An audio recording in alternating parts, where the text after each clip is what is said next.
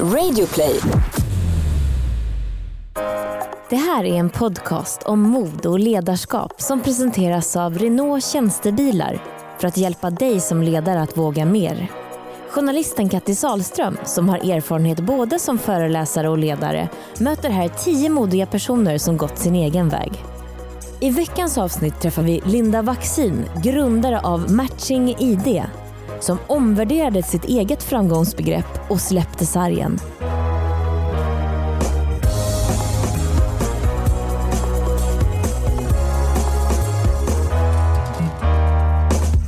Hej och varmt välkomna ska det vara till Mod, framtidens ledarskap. Jag heter Katti Sahlström och idag har jag glädjen att sitta här tillsammans med Linda Vaccin som är grundare till Matching ID. Tack. Eh, det är roligt när du kom in här så, så ville du, det var första gästen som vi har haft här som, du vill ha verkligen kontroll på vad som ska hända. Ja. Och har med dig en egen termos med kaffe i. Eh, ja. Ja, så att du vet att liksom det blir som du vill ha det. Är, det liksom, är det signifikativt för dig att, att vilja liksom ha kollen? Ja det är det nog, i alla fall i jobbsammanhang. Nej, det är nog det överlag om jag ska vara helt ärlig. Eh, sen så kan jag även ta saker på fly. Eh, men jag trivs nog om jag liksom kan orientera mig väl. Eh, I alltså, vem är du, vad vill du, eh, vad ska vi åstadkomma tillsammans här. Sådär. Men Har det du har nog också att göra med att jag vill göra mitt bästa. Mm. Ja. Har det alltid varit så? Ja, det tror jag. Jag läste någonstans, eh, kallar du dig själv eller i alla fall att du har varit prestationsprinsessa? Absolut. Vad är Tyvärr. det? Vad är det för något? Ja, det är väl ett väldigt slitet och deppigt eh, begrepp i och för sig. Eh, du får gärna säga om du har något bättre ord för det. Men eh, jag antar att det är när vi kvinnor liksom har fått möjligheten att ta plats i nya rum. Eh, I det här fallet då, i nya rum i arbetslivet framförallt. Eh, så, så vill vi så gärna ta dem så att vi anstränger oss väldigt mycket för att förtjäna den platsen, stanna kvar och få större utrymme.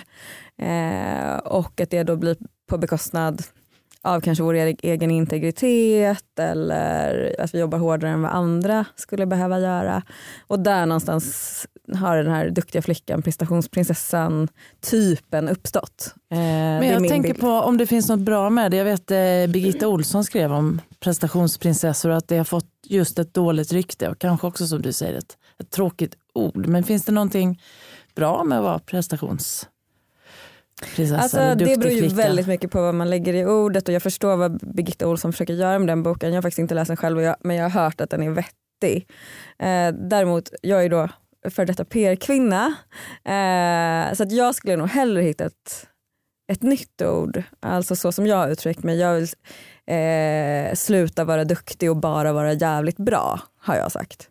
Eh, och det är ju då inte för att liksom, dissa hennes sätt att prata om, om Fröken Duktig men, men eftersom det har blivit betingat med att vara duktig på sin egen integritetsbekostnad så, eh, så laddar jag ordet. Eh, eller vara onödigt duktig för det, den rollen man har eller de pengar man tjänar eller sådär. Eh, så skulle jag gärna vilja att vi kvinnor släpper det och bara är jävligt bångstyriga och eh, stora och jobbiga istället för duktiga. Mm. Ditt namn är ju eh, välkänt får man nog säga i kommunikationskretsar. Mm. Och eh, väl också känd för den här fantastiska resan som du gjorde på, på Edelman. Vända rätt knallröda siffror till svarta. Yes. På, på, Och inte bara det utan även kvalitet och kreativitet. När du fick det uppdraget, vad, liksom, vad såg du framför dig då att här, du behövde göra? Eh, jag tror för det första att jag fick jobbet för att jag var väldigt krass eh, kring nuläget. Eh, jag trodde inte att jag skulle få jobbet. Jag förstod att jag blev headhuntad som the wildcard i, i rekryteringsprocessen. Jag var 30 år och hade jobbat i drygt sex år i branschen, hade inte haft medarbetaransvar tidigare. Eh, och så var det, det har jag fått bekräftat efteråt, att jag, att jag var inslängd i processen som wildcard. Men det gjorde att jag så här, vågade vara väldigt, väldigt ärlig och krass kring situationen. Alltså hur fruktansvärt eh, illa behandlad Edelmans varumärke var lokalt i Sverige.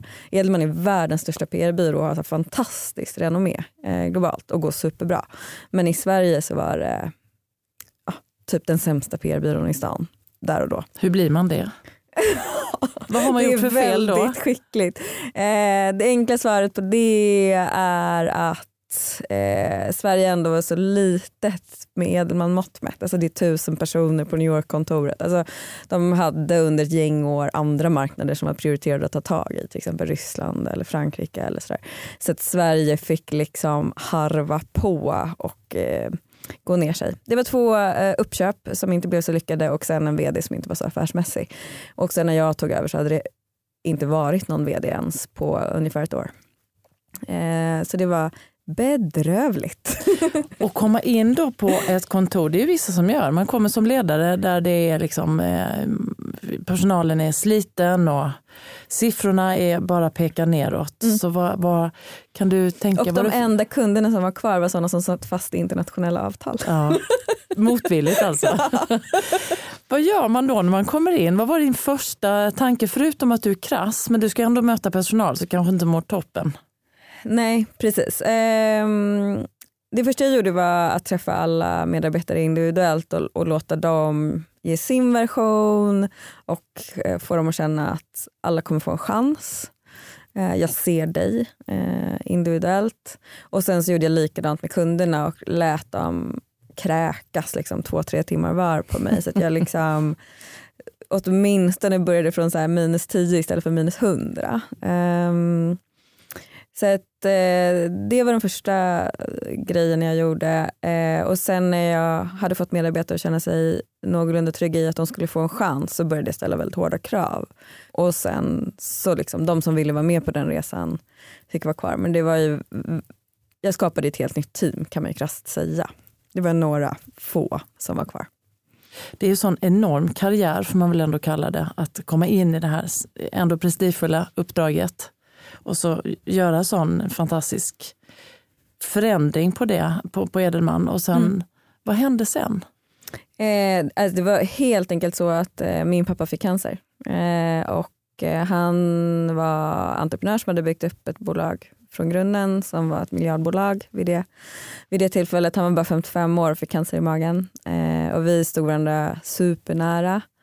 Eh, han hade varit min kund i tio år, han var min mentor, vi var vänner. Alltså vi hade liksom, våra liv var samman, sammanknutna på väldigt många sätt. Och jag hade också lärt mig det här eh, väldigt hårda arbetet, den här arbetsmoralen från honom. Eh, så att, eh, att se honom fortsätta vara koncernchef för det här bolaget, jag själv fortsätter vara vd eh, Eh, och, och efter ett tag blev det uppenbart att han inte skulle överleva jag flyttade hem och höll på liksom och jobba samtidigt. Och så här, det, eh, det blev så otroligt tydligt för mig eh, på ett fruktansvärt och också ganska så här, vackert sätt på något sätt vad som är viktigt eh, på riktigt. Eh, på ett sätt som jag tror det är svårt att få på något annat sätt än att man möjligtvis får ett nytt liv eller mister liv eller blir sjuk eller sådär. Eh, så allting blir väldigt så här, kristallklart eh, för mig. Eh, så att, att, att, ta beslutet där och då säga upp mig från Edelman var en chock för människor utifrån. Men inifrån kändes det ganska självklart av några olika skäl. Eh, och det var just att jag fattade att så här, jag är superduktig och andras vinning och jag har varit det hela mitt vuxna liv. Eh, jag måste ta reda på hur jag ska kunna liksom, förvalta min kraft för mina syften.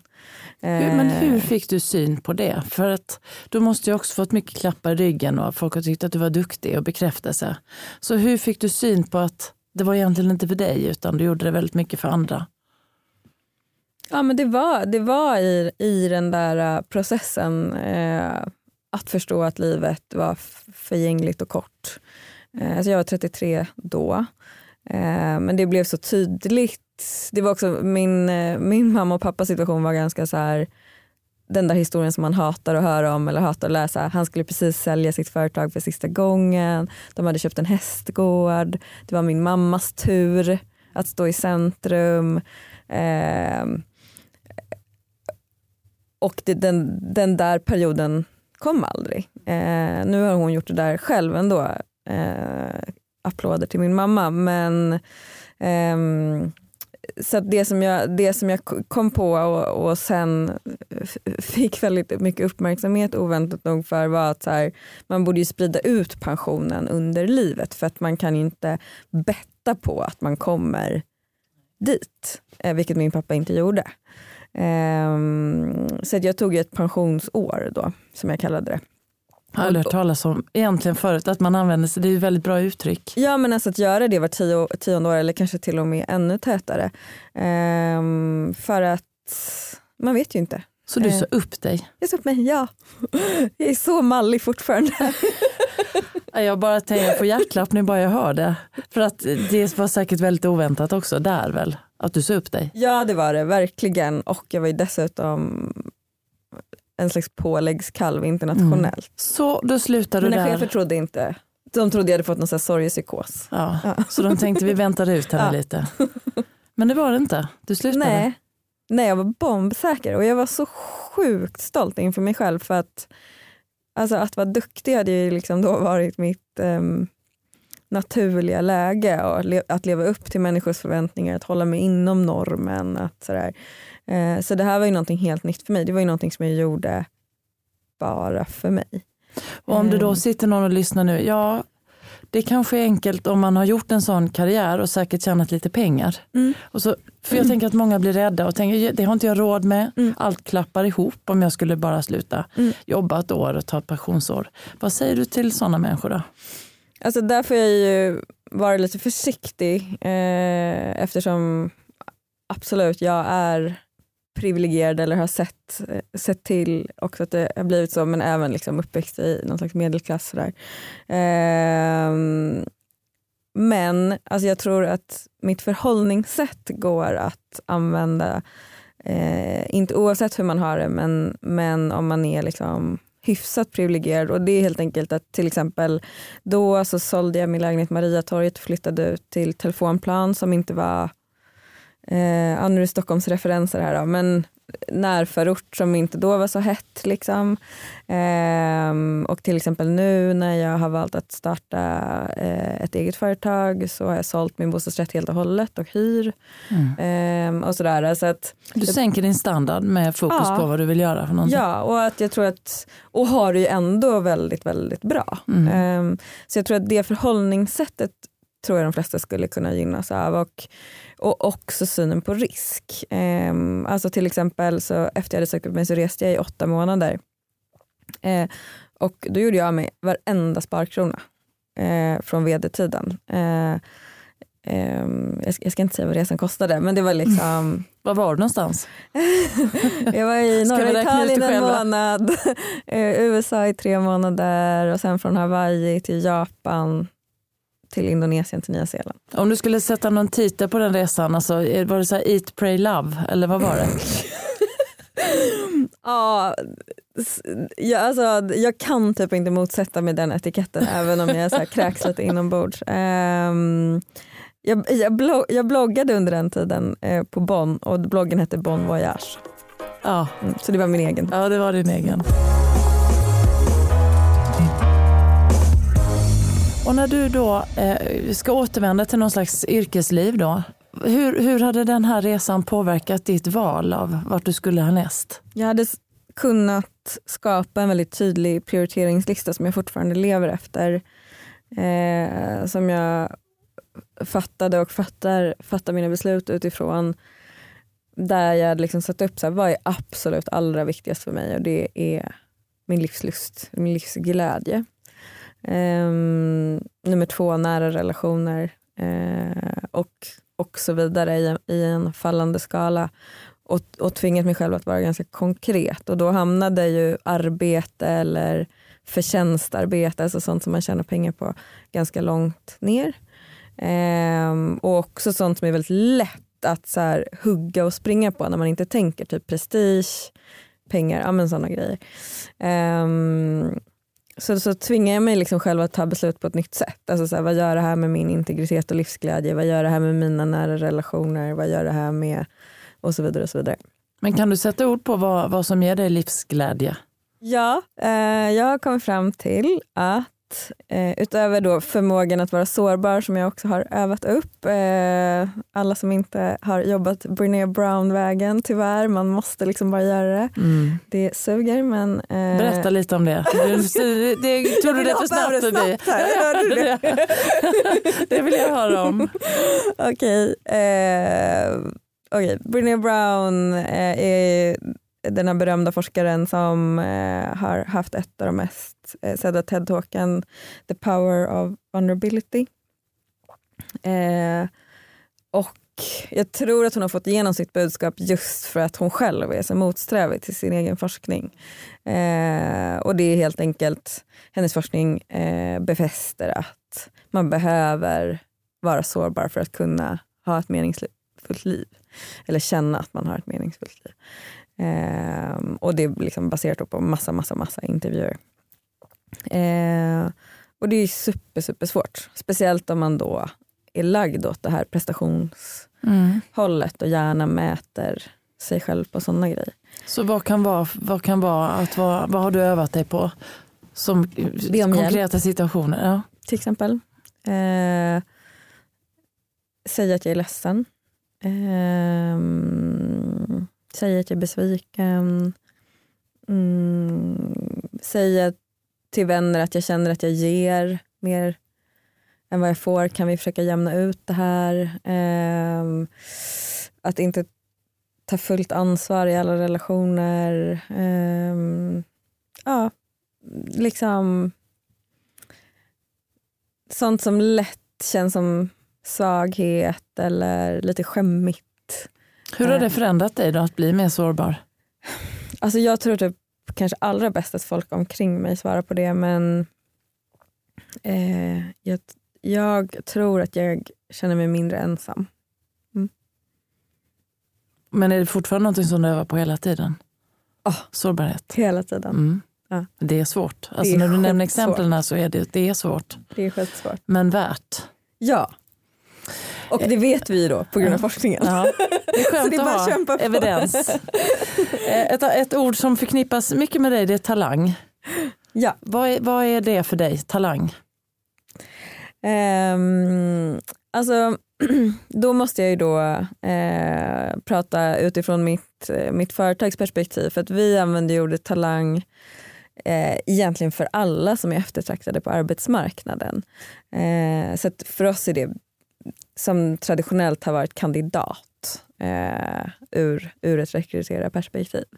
Eh, så att, alltså, jag skulle säga att alla är talanger. Sen är man mer eller mindre eftertraktad beroende på vad man har för skillset. Så att jag använder inte så mycket i, i, i, i, i den bemärkelsen som pianovirtuos eller sådär. Hur kan det då ändra sättet att rekrytera på? Mm, alltså det som jag vill, så som jag vill förändra eh, är ju att vi ska bli rekryterade eh, som talanger på arbetsmarknaden utifrån var vi vill, vilken potential vi har, vilka drivkrafter vi har eh, utöver våra skills eh, och erfarenheter. Eh, Medan det idag är väldigt mycket eh, tillbakablickande. Alltså vad har du gjort? Eh, vilken skola har du gått på? Vilka varumärken har du på din CV? Hur ser du ut? Vilka känner du?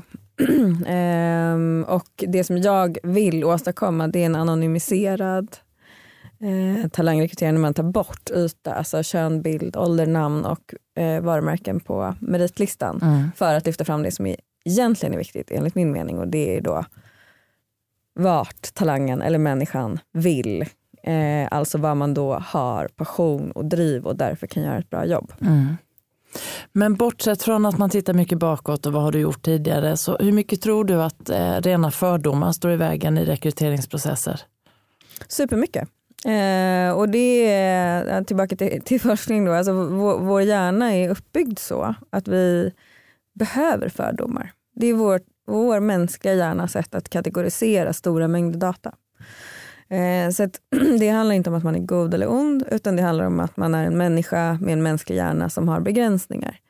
Eh, och där eh, finns det ju då med, med eh, den moderna teknologin eh, mycket farhågor kring att maskinen tar över massa processer. Men just i det här fallet eh, så, är, så är ju maskinen, har inte maskinen de här begränsningarna som den mänskliga hjärnan har och kan därför eh, sortera ut talang eh, utan fördomar medan en människa inte klarar det. Jag brukar ta mig själv som exempel för det är så lätt att hamna i så här, nej men jag är inte rasistisk. Eh, så då brukar jag ta mig själv som exempel på Edelman. Eh, mina systrar drev så mycket med mig för typ 80% av medarbetarstyrkan som jag byggde under den här, under den här turnarounden var blonda, duktiga Såg ut tjejer. som du, var som du. Ja. Ja. Det är nog många som känner igen. Eh, Så, att, så att, alltså, det är väldigt viktigt att få fram när vi pratar om de här sakerna att de här bias som det heter då, eh, de här fördomarna som vi har och vårt sätt att rekrytera för att känna oss trygga. Vi rekryterar i det vi känner igen oss i, eh, vi rekryterar när vi ser oss själva i andra och så vidare. och så vidare. Eh, Det är så otroligt mänskligt. Eh, Men det är inte så bra för kvalitativ eh, rekrytering. Eh, och därför tror jag att liksom, om man lägger maskinen som ett lager i den processen så kommer vi få mycket mer högkvalitativ eh, rekrytering. Men också så kommer det förändra förutsättningarna för de som inte ser ut som de som rekryterar. Nej, just det. Ja. Om, om vi går tillbaka till det här med talang. Mm. Eh, jag sitter själv, eller jag har tänkt själv när jag läste om dig och så där med talang, tänkte jag, ja vad har jag för talang? Jag vet inte vad jag har för talang. Hur får man fatt i det? Hur liksom kan man få syn på först och främst sin egen talang? Ja, alltså så som vi eh, tar oss an dig då, det är liksom först att hjälpa dig att utröna vad du vill åt. Eh, alltså så du bygger, du bygger vi, vi kallar den produkten som vi har byggt för ett operativsystem för drömmar. Eh, men, men vi hjälper dig att bygga de drömmarna för vi har liksom så här för så här, grejer som du kan välja. Så till exempel så kan du då välja så här, jag vill ha en bättre chef eh, eller jag vill ha ett gäng som jag passar bättre in i eh, eller jag, den här skillen som jag har. eh, för dig kanske det är något annat då än intervjuande som du gör hela tiden. Den vill jag utveckla mer, alltså jag vill jobba mer med den. Alltså vi ger dig väldigt så här konkreta val som hjälper dig att tänka så här, ja men det här vantrivs jag med nu eller det här saknar jag eller det här längtar jag efter. Eh, med en datametod. Liksom, så att, eh, du, du får massa frågor som gör att liksom, vi hjälper att hitta, hitta dina mål. Eh, och sen så tror jag att när du tänker på så här, talang så här brett som du gör nu när du frågar mig, att det känns så komplicerat medan vi bryter ner dina skills. Alltså så här, vad kan du? Vad kan du lite grann? Eh, vad kan du mycket? Alltså så här, att det är väldigt liksom men blir resultatet ibland så att folk blir förvånade och tänker men det är en helt annan. Det, det Kanske är definitivt eller- poängen. Ehm, alltså att vi ska få människor att uppnå drömmar som de kanske inte ens visste att de hade. Är det många som frågar dig så här om du tycker att det är om kvinnligt eller kvinnors ledarskap? Jag tycker att det där har avtagit ganska mycket, glädjande nog. Faktiskt. Men, eh, när jag var vd på Edelman så syntes jag ganska mycket i media eh, och gjorde mycket intervjuer och sådär. Då var det mer. Eh, nu, har, det- nu har det gått fyra, fem år. Så nu tycker jag inte att man får den, eh, den frågan lika mycket faktiskt. Och det, eh, det gör mig nog ganska glad. För jag tror att kvinnligt ledarskap är svårt att definiera. Faktiskt. Eh, Ändå är det ju saker som kvinnor många gånger upplever som ledare som skiljer sig från män och deras ledarskap. Mm. Så hur ska man, jag tänker som, som kvinnlig, som kvinna och ledare. Och jag hör att du har, du har ju haft flera mentorer, inte bara din pappa utan andra Mm. och, och män också ju kanske. Just nu har jag Martin Lorentzon. Just det. Ehm, Men, men jag, jag tycker man hör många kvinnor att de, är, de känner att de gärna vill prata med andra kvinnor, vill vara med i kvinnlig, Mm. kvinnliga nätverk och så. Mm. Vad tänker du om det? Ja, men det för mig i alla fall. eh, jag har också eh, kvinnliga middagar eh, hemma och kvinnliga investerarnätverk och allt möjligt. Jag tycker det är otroligt viktigt och otroligt skönt. Um, av den enkla anledningen att jag tror att separatistiska rum i dessa tider är väldigt viktigt för att vi är i en bryt, brytningsperiod som är ganska svår för alla inblandade, för både kvinnor och män. Alltså att det, är så här, det är daglig maktförflyttning som är ganska smärtsam. Eh, och i och med metoo så har det ju blivit ännu tydligare och ännu skarpare läge. Så jag tror att vi behöver de där eh, rummen. Eh, men sen också väldigt så här, eh, enkelt bara liksom ryggdunkande, alltså kvinnligt ryggdunkande, det är toppen. Eh, för det finns ju bland männen. Eh, jag hade en så rolig, eh, ro, ro, rolig sån upplevelse eh, här för några månader sedan. Jag satt på um, och gjorde naglarna. Eh, och så sitter man liksom i sin egen värld och man kan inte göra någonting när man sitter mm. där. Man måste ju då inte hålla på med mobilen. eh, och sen så bara tittar jag åt sidan och så sitter det en, en, en kvinnlig som känd investerare där. Eh, vilket gör att jag passar på att pitcha såklart min företagsidé. Och då fick jag en sån, sån himla så här, njutkänsla att så här, eh, ah, det här kommer hända på nagelbaren ja, just det. nu. Liksom, det som hände i bastun eller ja, på jakten. Det, och det är liksom vårat rum. Då. Ja. Alltså, så här, eh, det finns ju någonting liksom väldigt fint i det nu och sen, sen liksom kommer det ju vara neutralt, det kommer liksom inte spela någon roll. Men än, i den här tiden så är de där kvinnorummen viktiga tror jag. Mm. Om du skulle ge quick fix, eh, kanske inte riktigt din melodi. Du har ju gått en lång och håller på är ute på en lång resa själv. Mm. Men om du skulle ändå ge lite så konkreta saker eh, för den som lyssnar nu som, som känner att man eh, vill försöka våga lite mer och komma närmre det som ligger närmre en själv på något sätt och, och släppa sargen. Mm. Var, var, var, kan man börja? Alltså det som alla, eh, nästan alla kan göra imorgon det är att börja gå i terapi. Mm. du tycker ja, men, man ska göra det? Ja men för det är ju, alltså det är typ som så här, om jag vill bli mer vältränad, gå till gymmet. Alltså så här, här frågar du så här, vad, okay, hur ska jag släppa sargen? Ja, gå till en en person som kan hjälpa dig att släppa sargen. Mm. Alltså så här, förlåt. Men det, det jag är hjälpen. så trött på att folk inte går i terapi. Ja. Det är liksom, det är det sättet man förändrar sina tankemönster på. Ja. Och det funkar ju, det funkar skitbra. Har du något annat quick? Det är ju inte så quick fix för det är ganska jobbigt att gå i terapi. Det är det. Men, ändå. Men det är någonting man kan göra imorgon. Ja. Ja.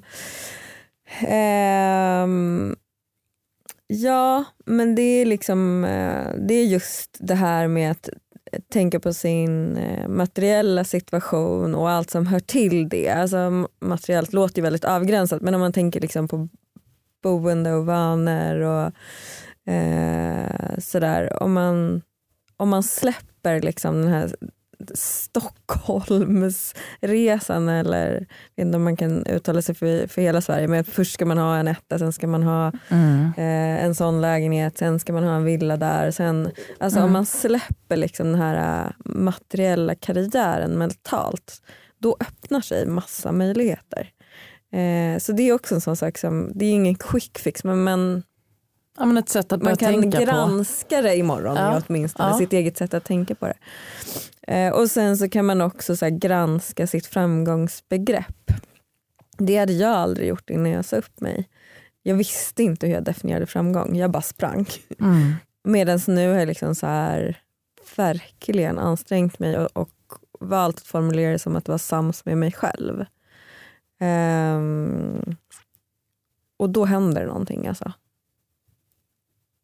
Med, med de här äh, valen och prioriteringarna eh, som man gör. Om man, för då om man lyckas liksom förstå att man tar väldigt mycket beslut utifrån status och prestige här och nu och liksom lyckas släppa det precis som ett större hus här och nu eller vad det nu är eh, och tänker så här vad mår jag bra av, vad vill jag ha åstadkommit om jag dör om fem år. Alltså mm. Då blir det liksom en helt annan, ett helt annat facit.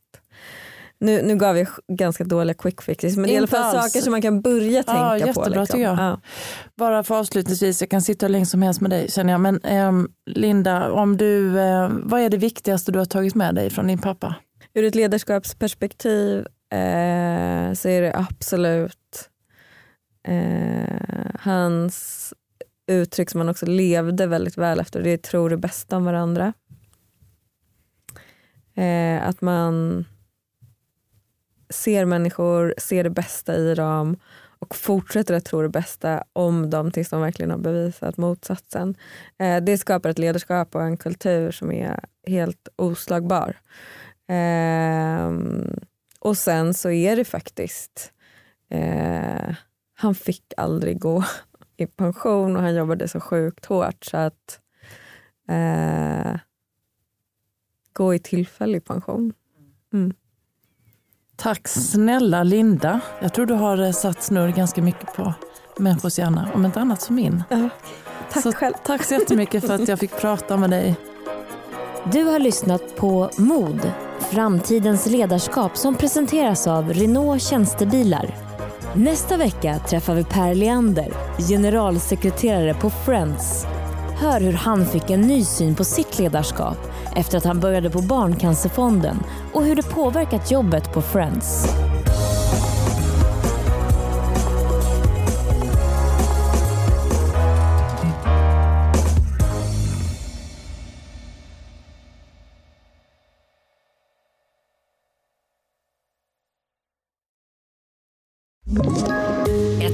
Poddtips från Podplay. I fallen jag aldrig glömmer djupdyker Hasse Aro i arbetet bakom några av Sveriges mest uppseendeväckande brottsutredningar. Går vi in med hemlig telefonavlyssning och, och då upplever vi att vi får en total förändring av hans beteende. Vad är det som händer nu? Vem är det som läcker? Och så säger han att jag är kriminell, jag har varit kriminell i hela mitt liv men att mörda ett barn, där går min gräns. Nya säsongen av Fallen jag aldrig glömmer på Podplay.